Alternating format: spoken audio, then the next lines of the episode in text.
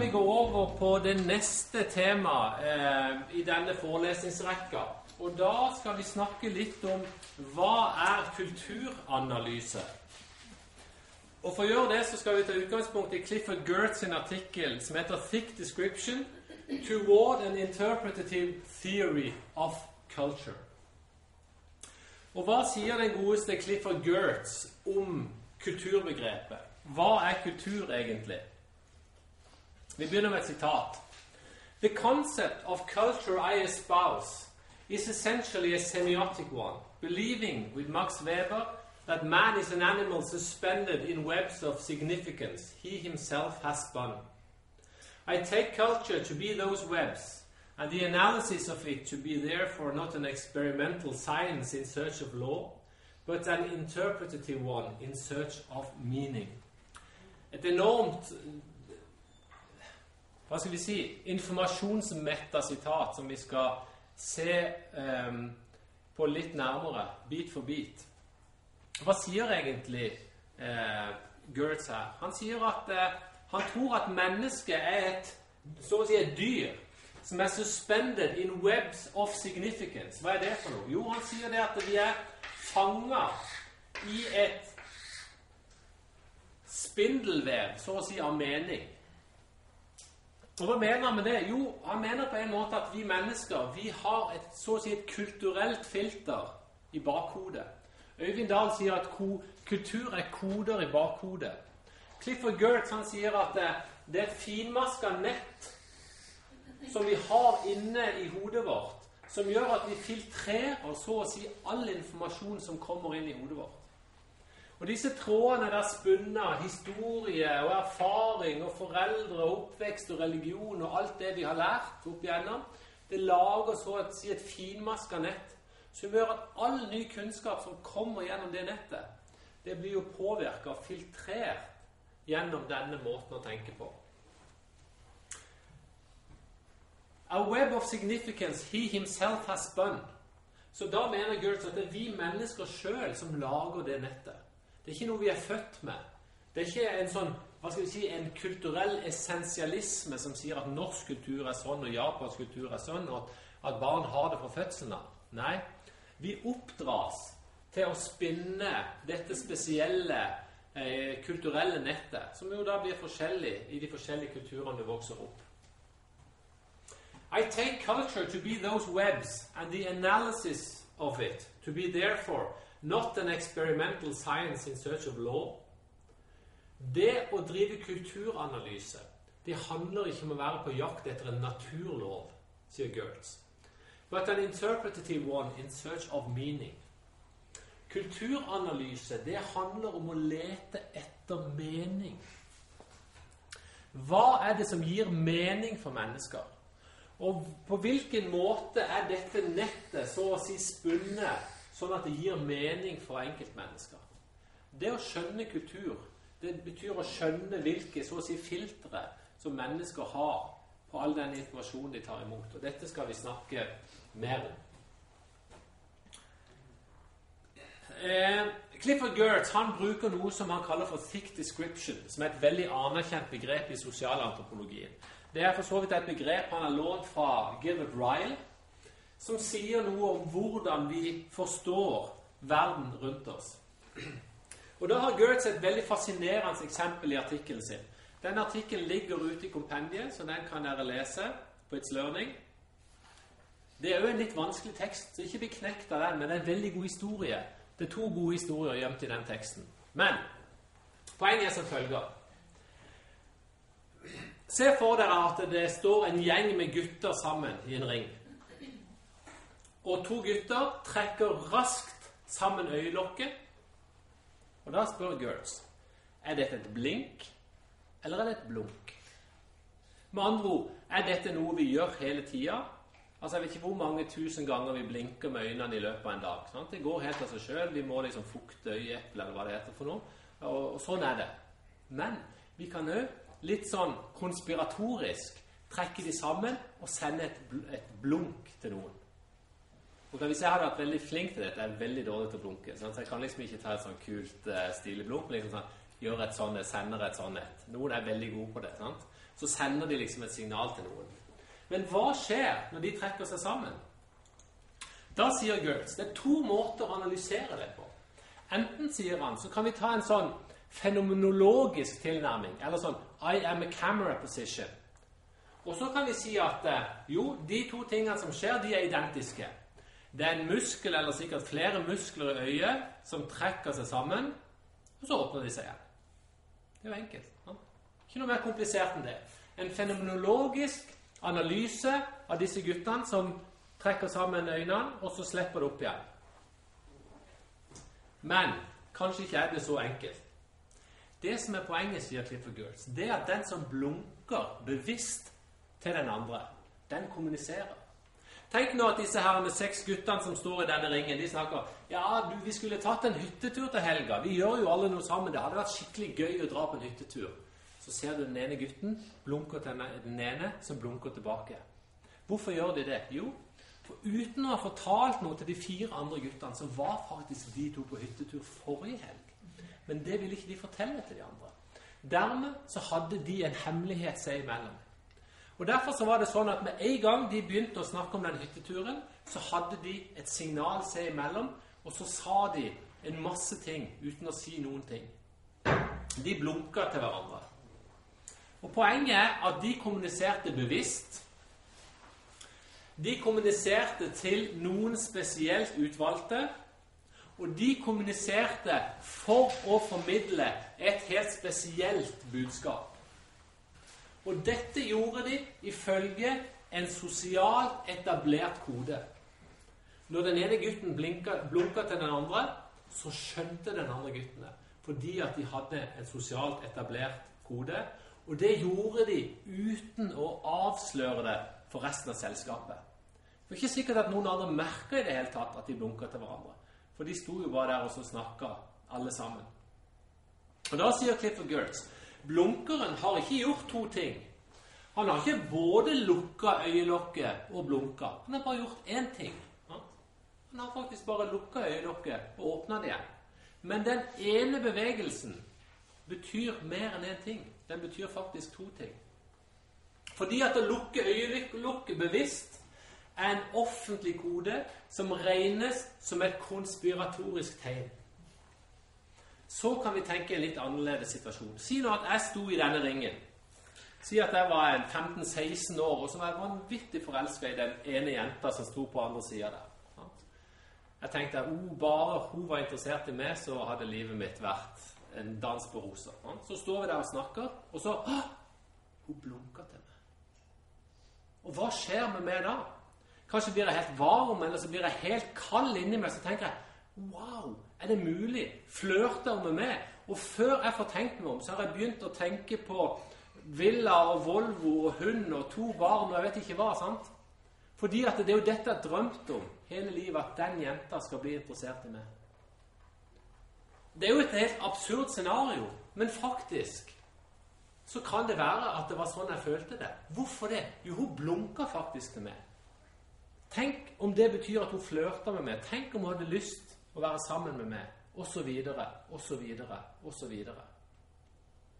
Og da sier Gertz at en thick description av culture, det er å prøve å forstå hva som ligger i det lille blunket. En thin description, det betyr at Hva gjorde den jenta? Jo, hun lukka øyelokket, og så åpna hun det igjen. Men hvordan tolker jeg det? Tolker jeg det sånn? Som en 15-16-åring? Nei, jeg tror jeg tolker dette som hele verden. sant? Her ligger min mulighet til å bli lykkelig i at de øyelokkene lukker seg sammen og åpner seg. Fordi at hun sendte et signal, og innbakt i det signalet så ligger det masse implisitte tanker og ideer, som igjen skaper masse tanker og fantasier i mitt hode. Og sånn, sier Clifford Girls, det er det kulturanalyse handler om.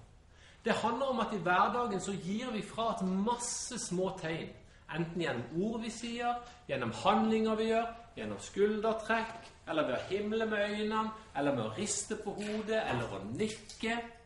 Tenk på alt det som ligger i sånne vanvittig små ting. Ja?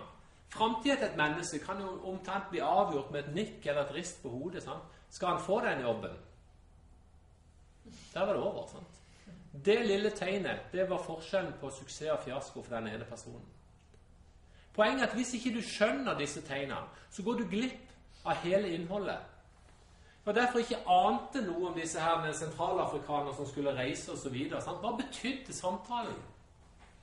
Kulturanalyse handler om å forstå de små tingene som betyr masse. Så vi kan f.eks. si det annerledes. Hvis det var sånn at disse første seks guttene som sto i ringen så sier den ene, den tredje Han sier det at Hei! De blunker til hverandre. Han ene han gjorde sånn, liksom. sant? Så dere det? Så er de avslørt, disse guttene. Og hva gjør tredjemann da? Jo, han lager en parodi på de andre ved liksom overdrevent lukke sammen øynene. Og hva er det? Jo, det er jo akkurat den samme øyelokkbevegelsen, men det er et helt annet budskap. Denne gangen er det ikke et konspiratorisk tegn, men det er rett og slett en parodi og Vi kan se det enda videre at en person som jeg tenker søren heller er for dårlig til å blunke, jeg må hjem og øve på dette. Så står jeg foran speilet og så liksom prøver jeg liksom å få til den der kjappe blunkinga. Og hva er det da? Jo, det er jo fortsatt to øyelokk som går sammen og åpner seg igjen. Men denne gangen så er det faktisk en praktisk øvelse i å bli bedre til å blunke. Så den fenomenologiske beskrivelsen er akkurat den samme. Thin description er akkurat lik, men det innholdsmessige er helt annerledes. Og sånn er det, sier Clifford Girls, mellom thin description av bevegelsen og thick description av de sosiale kodene. Der befinner kulturanalysen seg. Det er det den interkulturelt kompetente personen klarer. Han klarer å skjønne disse små tegnene som blir sendt, i den konteksten som han lærer seg å leve i og handle i. Og Det betyr at vi må lære oss hvordan folkene rundt oss kommuniserer. Og Hvis jeg reiser til Kamerun, så er jeg nødt til å innstille meg på den måten ting foregår der på. Jeg må skjønne, Hvis jeg skal nå igjennom med mitt synspunkt i et møte i lærerrådet, så må jeg skjønne hvordan det fungerer. Det er ikke sikkert at i denne kulturen så handler det om å ha de beste argumentene og snakke lengst. Kanskje handler det om om jeg hadde en avtale med rektor på forhånd eller ikke. For jeg kan overbevise alle der og da i møte om at dette, sånn må vi gjøre det. Dette er den eneste måten å legge opp undervisninga på. Så kan alle sitte og nikke helt direkte og si at ok, jepp, men da er møtet over. Og så går vi fra hverandre. Så kan jeg tro at jeg har vunnet gjennom i denne saken. Så skjønner jeg etterpå at ingenting skjer. jo. Men rektor sa jo ikke imot meg i møtet. Nei, han sa ikke det. Men han ga heller ikke tydelig uttrykk for at han aksepterte min måte å gjøre det på. Og den harde veien så lærte jeg at i en annen kultur så er det en annen måte å drive saksforberedelse på.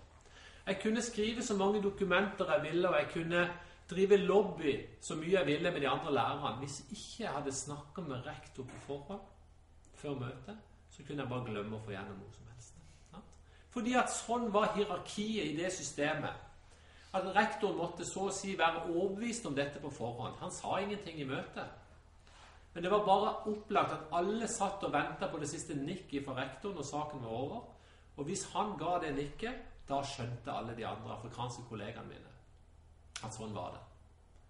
Det er klart Med noen franske og noen amerikanske kollegaer til stede så ble det en misforståelse etter hvert. Men det var interessant å se hvordan de afrikanske kollegaene hele tida var veldig obs på hvordan de skulle tolke eh, rektoren sine avgjørelser.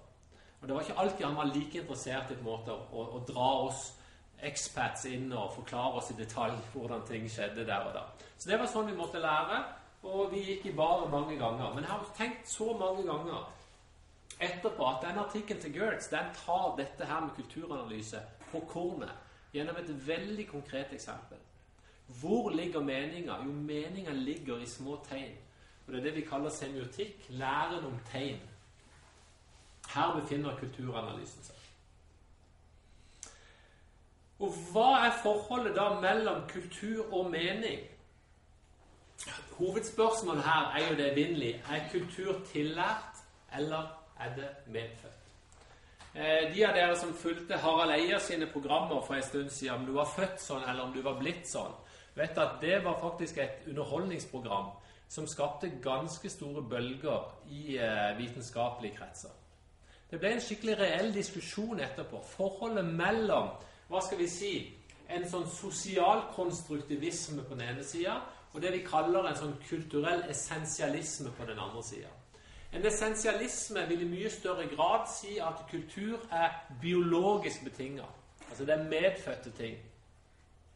Og da vil en kanskje eh, argumentere for noen ting. F.eks. ved å studere tvillinger så vil en kunne si at selv tvillinger som blir skilt fra hverandre i fødselen, de blir ganske like på mange områder, selv om de blir veldig forskjellig opptatt. Ja?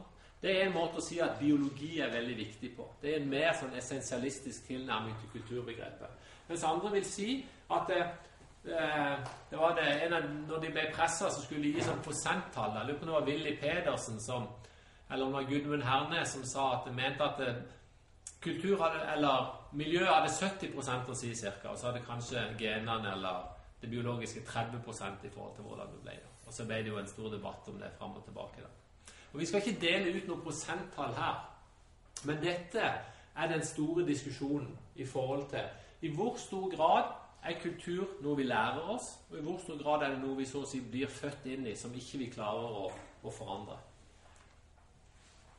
Eh, Clifford Gertz han vil si at dette er et feil spørsmål. Han sier det er et spørsmål om så å si ontologisk status. Han sier at kulturer de finnes ganske enkelt. Det, noe, det, det, store poenget er ikke hvor, så å si, hvor det kommer ifra. Poenget sier Clifford Gertz, er hva det betyr. Hva er det, er, hva er det som gjør at mennesker handler på den måten når de kommer fra det området? Og hva er det som gjør at vi handler på den måten når vi er født og oppvokst her som vi er? Det viktigste spørsmålet er som følger Hva er kulturens betydning? Er det en parodi, eller er det en utfordring? Er det ironi, eller er det sinne? Er det snobberi, eller er det stolthet? Og så videre, og så videre. Og her har det mye å si hva slags type kultur du kommer fra. Eh, Edvard Hall og, og, Cliff, nei, og uh, og Gert Hofstede de snakker veldig mye om at det fins noen eh, At vi snakker om høykontekstkulturer, så snakker vi om lavkontekstkulturer. Og der har hierarkiet veldig mye å si. I en høykontekstkultur så vil det være ekstremt viktig hvem som er sjefen. Og sjefen vil gjerne befinne seg i tolvte etasje og gå i en strøken dress og aldri hilse på sine arbeidere. Mens i en lavkontekstkultur som vi befinner oss her i Norge, det betyr at du kan komme inn på denne skolen her, og bare ved å se på klesveien så er det helt umulig å avgjøre hvem som er rektor, og hvem som er vaktmester. Sant? For alle går helt likt kledd. Og alle spiser mat i den samme kantina og oppfører seg mer og mer likt. Og ikke er det så veldig stor forskjell på lønna disse heller. Sant? I motsetning til høykontekstkulturer der f.eks. Japan ligger ekstremt høyt, der det vil være veldig, veldig stor forskjell på den som er på toppen, og den som så å si er på bunnen av hierarkiet. Og Da handler, er det veldig viktig om hvordan du snakker til hverandre.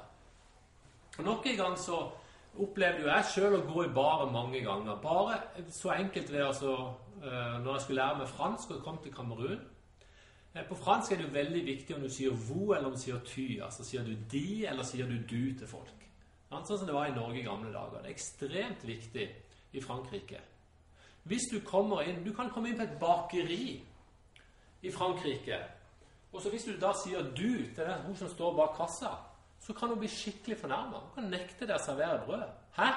Hva var det du sa?' Kan du få liksom smell tilbake. Og, og unnskyld, liksom. Hvor eh, må du selvfølgelig si det. Sant? Og ikke si 'ty' til en vilt fremmed. Det er veldig respektløst. Og Sånn var det i Afrika òg.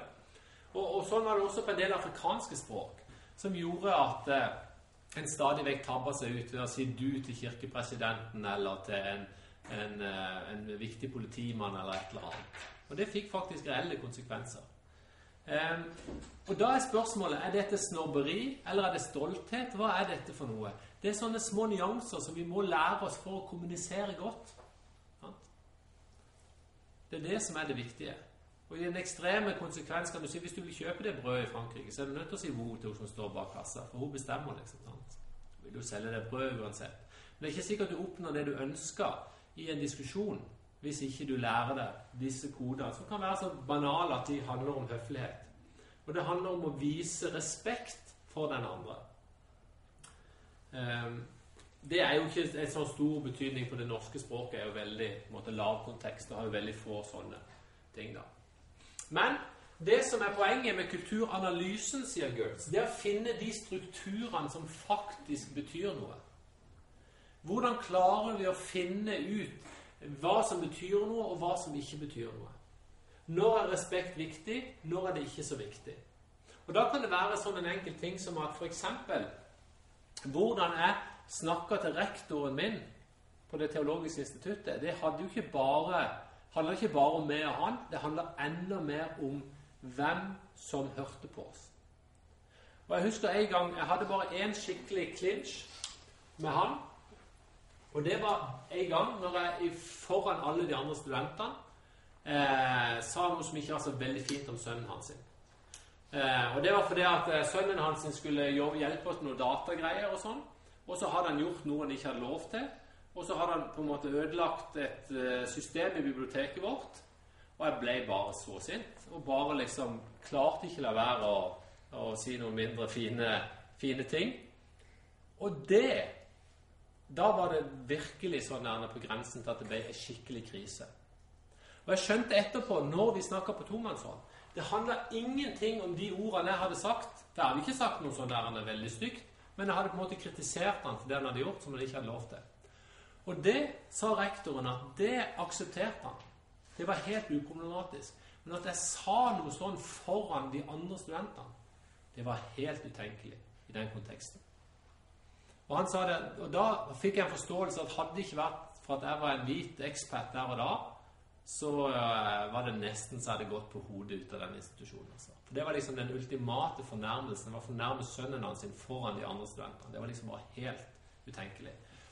Og Jeg lærte en lekse der og da om at det handler ikke nødvendigvis bare om hva du sier, eller til hvem du sier det, men like mye i hva er det som konteksten rundt det du sier. Hvem andre er det som hører på dette? Og det tror jeg noen ganger overfor, overfor innvandrere kan være en utfordring. Det kan være for lærere som f.eks. skal løse et problem med, med, med, med der flerkulturelle eller det er elever fra andre kulturer, kanskje i klinsj med norske eh, barn osv.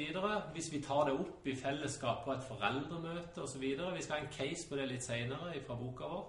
Ofte så handler det vel så mye om hva er det som er rammene rundt de tingene vi tar opp, som akkurat hva vi tar opp.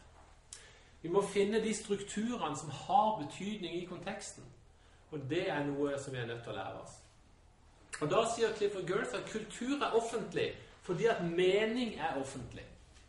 Og Hva betyr det? Jo, det betyr det at eh, når vi mener noe, så mener vi det ofte i et rom. Og for å skjønne kulturen så må vi vite hva, hvilken betydning disse meningene våre har inn i det rommet som de presenteres. Målet med kulturstudier sier han videre, det er å utvide the universe of human discourse. Hva betyr det? Jo, det handler rett og slett om å utvide måten vi snakker til hverandre på. Hvordan kan vi skape økt forståelse? Hvordan kan vi så å si utvide grensene for vår egen måte å kommunisere på, sånn at vi kan bli berika, sånn at vi kan få økt forståelse? Det er noe med å utvide horisonten vår som Eh, er kobla opp mot den interkulturelle kompetansen. Og Da sier Goethe at kultur er ikke primært makt, selv om det kan oppfattes sånn. Men kultur er kontekst. Og Det betyr at eh, kultur handler ikke om å trykke ned den andre. Det er ikke sånn at når vi er i vår kultur, så skal vi ha et overtak. Og når vi er i en annen kultur, så skal vi være underlegne, selv om det føles sånn i praksis. Men det er ikke det som er poenget, sier Gertz. Det er ikke sånn vi skal analysere kulturer. Men vi skal analysere kulturer som en kontekst, en sosial kontekst, som skaper spesielle situasjoner. Der noen gjerne føler seg ovenpå, og der noen føler seg litt underlegne. Men makten i seg sjøl, sier han, er ikke poenget. Men poenget er å studere den konteksten som skaper denne følelsen av asymmetri. Og dette er en kontekst hvor symboler og hva er et symbol? Jo, det er et system av konstruerte tegn kan forstå, og som han da sier thickly beskrives. Og Da handler det som sagt ikke om å beskrive kultur som et øyelokk som lukker seg og åpner seg igjen. Men det handler om å beskrive hva betyr det konspiratoriske tegnet som blunker. Er det en flørt, eller er det et bevis på at vi har noe hemmelig sammen? Eller hva betyr egentlig det blunket? Men det når vi kan forstå det og kan beskrive det, da bedriver vi kulturanalyse. Kulturstudier er fortolkning. Og på den måten så sier Gertz at det er en fiksjon. Ja? Det er på en eller annen måte noe vi dikter opp. Men, sier han, det er ikke noe som er tatt ut av ingenting. Det er faktisk en systematisert fiksjon. Ja?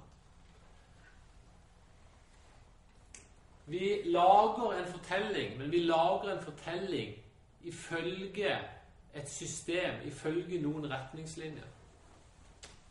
Og det er de, så å si disse trådene i den eh, Hva skal vi si I denne web of significance. Det er de trådene som er med på å styre vår forståelse. Å beskrive disse, hvordan de er vevd sammen i forskjellige kulturer, det er eh, kulturanalyse for Gertz. Og for å forstå kulturer så må vi vise det normale uten å redusere det spesielle. Vi kan ikke eh, presentere islam på en fornuftig måte hvis vi snakker kun om terrorister som de sanne muslimer. Sant? Det blir helt feil. Men hvis vi skal beskrive islam, så må vi beskrive normaliteten i islam. Og så må vi også si at enkelte mennesker bruker denne religionen for å nå sine politiske mål. Men vi kan ikke snakke som om disse personene som gjør det, er normaltilstanden. Og der snakker, Det er jo et, et, sånn et moralsk aspekt. Hvordan presenterer vi den andre? Gjør vi det på en saksvarende og respektfull og fornuftig måte? Men det betyr ikke at vi skal unndra de negative sidene ved kulturen. Eh, når jeg kommer hjem fra Afrika, så kan jeg enten fokusere på den fantastiske livsgleden og den enorme evnen mennesker har til å ta seg av hverandre. Til å dele med, selv om en nesten ikke har noen ting. Til å ta seg av de syke og de gamle på en helt utrolig fin måte. Og en, ha en enorm evne til å lage fest og glede seg ved små midler. Sånn kan jeg fortelle om Afrika. kan jeg lett gjøre uten problem. Kan jeg samtidig komme hjem og snakke om korrupsjon og elendighet og fattigdom og folk som ikke gidder å gjøre jobben sin, og noen som drikker altfor mye, osv., osv. Det er mange måter å presentere ting på. Men hvis jeg skal prøve å forklare kulturen, så må jeg forklare hva er det normale. Hva er dagliglivet for en afrikaner? Og da er det jo selvfølgelig en blanding av disse tingene. sant? Det er en blanding av veldig gode egenskaper og negative egenskaper. På samme måte som de afrikanske studentene som kommer til denne skolen. Det er veldig interessant å høre hva de forteller om når de kommer hjem. Sant? Og Da er det veldig ofte at en, en tar sånne ekstremhistorier og drar fram. Og De kan jo enten snakke om hvor fantastisk rike vi er, hvor dyrt alt er, og hvilken overflod det er. Men de kan jo like gjerne snakke om det er det mest barbariske samfunnet de noen gang har vært i. Sant? Hva skjer med de gamle? Jo, de sender de av gårde på gamlehjem. De tar seg ikke av foreldrene sine engang. Kan du tenke deg et mindre humant samfunn? Nei. Folk ler og rister på hodet. tenker Disse hvite de er jo steingale. Sant? De eier jo ikke respekt for sine egne foreldre engang. Poenget er hva er øyet som ser? Hvordan presenterer vi en annen kultur? Jeg tror det er veldig viktig at vi prøver så stor grad vi kan. Hvis vi skal drive kulturanalyse, så må vi kunne presentere det normale uten å redusere det spesielle, sier Gertz. Da nærmer vi oss en, eh, en reell presentasjon. Og vi arbeider ikke som kulturanalytikere så arbeider vi ikke med uanalyserte data, såkalte thin description. Vi beskriver ikke bare muskler som lukker seg og åpner seg igjen. Men vår vitenskapelige imaginasjon setter oss i kontakt med fremmede liv. Vi er ikke interessert i å bare beskrive handlinger, men vi er faktisk interessert i å bli kjent med personene som utfører disse handlingene. Så kulturanalyse handler om at vi er interessert i å forstå bredden og dybden av de sosiale fenomenene som vi ser foran oss. Det handler om å gjette på mening, men samtidig trekke forklarende konklusjoner av beste gjetning. Og Det syns jeg er litt fascinerende. for Gertz han, sånn, han, har en veldig leken måte å skrive på. Noen ganger så er det veldig vanskelig å forstå, men innimellom så har han sånn geniale måter å uttrykke seg på. Og jeg tenker at Dette er veldig interessant. Vi som driver med forskning og kvalitativ forskning, og gjør intervjuer og observerer jeg tenker På mange måter er det det vi gjør. Vi gjetter oss til hva disse tingene betyr. Men det er ikke sånn en vill gjetting. Men det er eh, forklarende konklusjoner som er en sånn type beste gjetning. Min vurdering av denne situasjonen er at dette er det faktisk som foregår. Og Da kan vi si at vi har et kvalifisert gjett, men vi må på en måte kvalifisere oss til å ta den gjetninga gjennom våre analyser. Og sosiale handlinger de peker ofte utover seg sjøl. Små handlinger kan representere store spørsmål.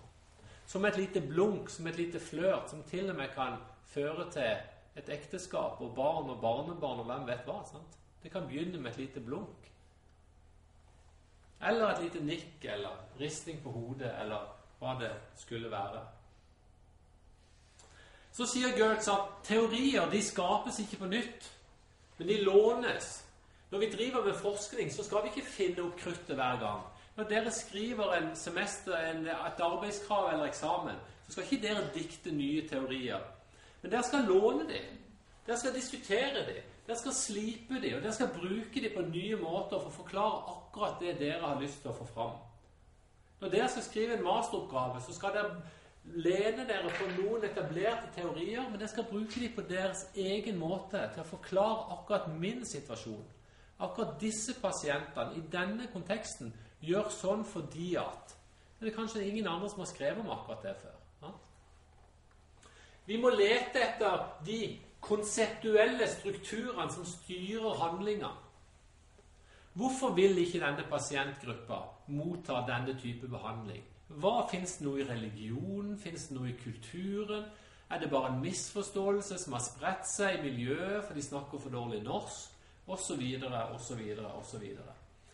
Og Vi har mange eksempler på gode oppgaver som blir skrevet her på skolen for å forstå det flerkulturelle eh, Norge, f.eks., eh, som handler om dette. Det handler om å finne de konseptuelle strukturene, f.eks. i et spesielt miljø, som styrer handlingene sine. Hvorfor er det så vanskelig å få denne pasientgruppa til å ta regelmessige medisiner, f.eks., så videre. Målet med antropologien er ikke å svare på de dypeste spørsmål, men å gjøre tilgjengelig de svarene andre har gitt.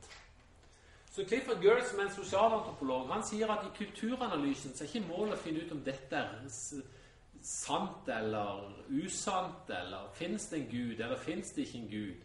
Er det islam som er rett, eller er det kristendom som er rett? Det er helt irrelevant for en sosialantropolog, fra et, et samfunnsvitenskapelig perspektiv. Det som er spørsmålet, det er hva mener disse folkene sjøl om denne saken? Og hva slags konsekvenser i de sine sosiale handlinger får de slutningene som de har trukket. Så er det ikke opp til meg som samfunnsviter å vurdere om det er rett eller feil, men det er å beskrive hvorfor de gjør sånn som de gjør, og basert på hvilke verdier og ideer og tanker. Og så er det ikke min oppgave som samfunnsviter å vurdere om det er rett eller feil, men det er å beskrive det og forklare hvorfor det skjer. Så får det være opp til teologer og etikere å dra konklusjoner om hva som er riktig og feil i forhold til en spesiell eh, religion eller en eh, spesiell etikk. Gert sier at Our double task is to uncover the conceptual structures that inform our subjects' acts, the set of social discourse, and to construct a system of analysis in whose terms what is generic to those structures, what belongs to them, they are what they are, will stand out against the other de determinants of human behavior. Vi har altså en dobbel oppgave. Det er å så å si avsløre de konseptuelle strukturene som påvirker måten som subjektet handler på. Det som er sagt i anførselstegn i den sosiale diskursen. Og så skal vi så å si konstruere et system, eh, et analysesystem. Og da skal vi finne ut hva er det som gir mening i disse strukturene. Hva er det som tilhører disse strukturene? Hva er de egentlig? Og hva er det som bestemmer den menneskelige eh, Hva skal vi si De menneskelige handlingene, eller den menneskelige oppførselen? Hva er det som gjør at vi handler på de måtene vi gjør? Det er det som er grunnspørsmålet, sier Gertz, i eh, samfunnsvitenskapelig analyse.